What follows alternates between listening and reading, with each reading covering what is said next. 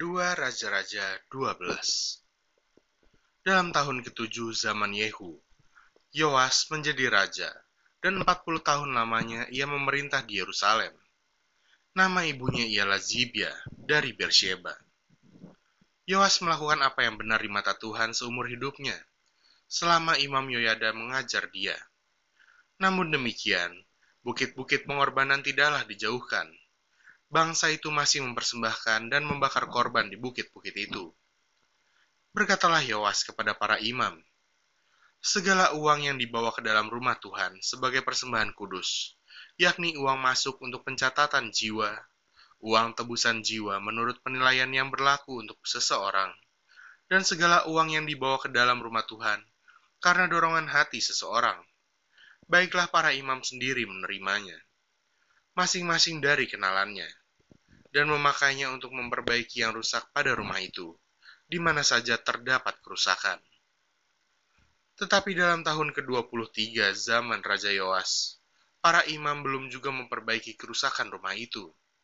Sebab itu Raja Yoas memanggil Imam Yoyada dan imam-imam lain, serta berkata kepada mereka, Mengapa kamu tidak perbaiki kerusakan rumah itu? Maka sekarang, tidak boleh lagi kamu menerima uang dari kenalan-kenalanmu, tetapi serahkanlah itu untuk memperbaiki kerusakan rumah itu. Lalu setujulah para imam itu untuk tidak menerima uang dari rakyat, tetapi mereka pun tidak usah lagi memperbaiki kerusakan rumah itu. Kemudian Imam Yoyada mengambil sebuah peti, membuat lubang pada tutupnya dan menaruhnya di samping mesbah, di sebelah kanan apabila orang masuk ke rumah Tuhan para imam penjaga pintu menaruh ke dalamnya segala uang yang dibawa orang ke dalam rumah Tuhan. Dan apabila dilihat mereka bahwa sudah banyak uang dalam peti itu, maka datanglah panitera raja beserta imam besar, lalu membungkus dan menghitung uang yang terdapat dalam rumah Tuhan itu. Mereka menyerahkan jumlah uang yang ditentukan ke tangan para pekerja yang diangkat mengawasi rumah Tuhan. Dan mereka ini membayarkannya kepada tukang-tukang kayu, kepada tukang-tukang bangunan, yang mengerjakan rumah Tuhan itu, kepada tukang-tukang tembok, dan kepada tukang-tukang pemahat batu. Mereka memakainya juga bagi pembelian kayu dan batu pahat untuk memperbaiki rumah Tuhan, dan bagi segala pengeluaran untuk memperbaiki rumah itu.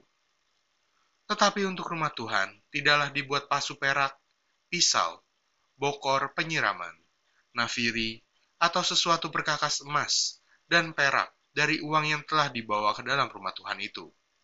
Melainkan mereka menyerahkannya kepada para pekerja, supaya dipakai memperbaiki rumah Tuhan. Mereka kemudian tidak mengadakan perhitungan dengan orang-orang yang diserahi uang itu untuk memberikannya kepada tukang-tukang, sebab mereka bekerja dengan jujur. Tetapi uang korban penebus salah dan uang korban menghapus dosa tidaklah dibawa ke dalam rumah Tuhan.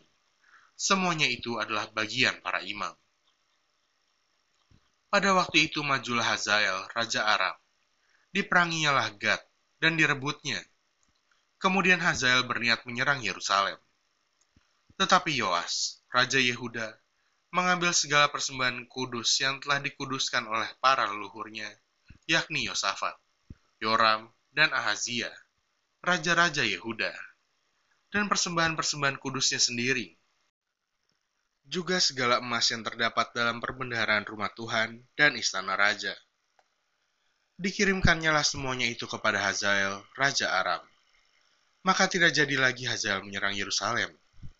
Selebihnya dari riwayat Yoas dan segala yang dilakukannya, bukankah semuanya itu tertulis dalam kitab sejarah Raja-Raja Yehuda? Pegawai-pegawainya bangkit mengadakan persepakatan, lalu membunuh Yoas di rumah Milo, yang letaknya di penurunan ke Sila. Yozakar, anak Simeat, dan Yozabat, anak Somer, ialah pegawai-pegawainya yang membunuh dia. Lalu ia dikuburkan di samping nenek moyangnya di kota Daud. Maka Amazia, anaknya, menjadi raja menggantikan dia.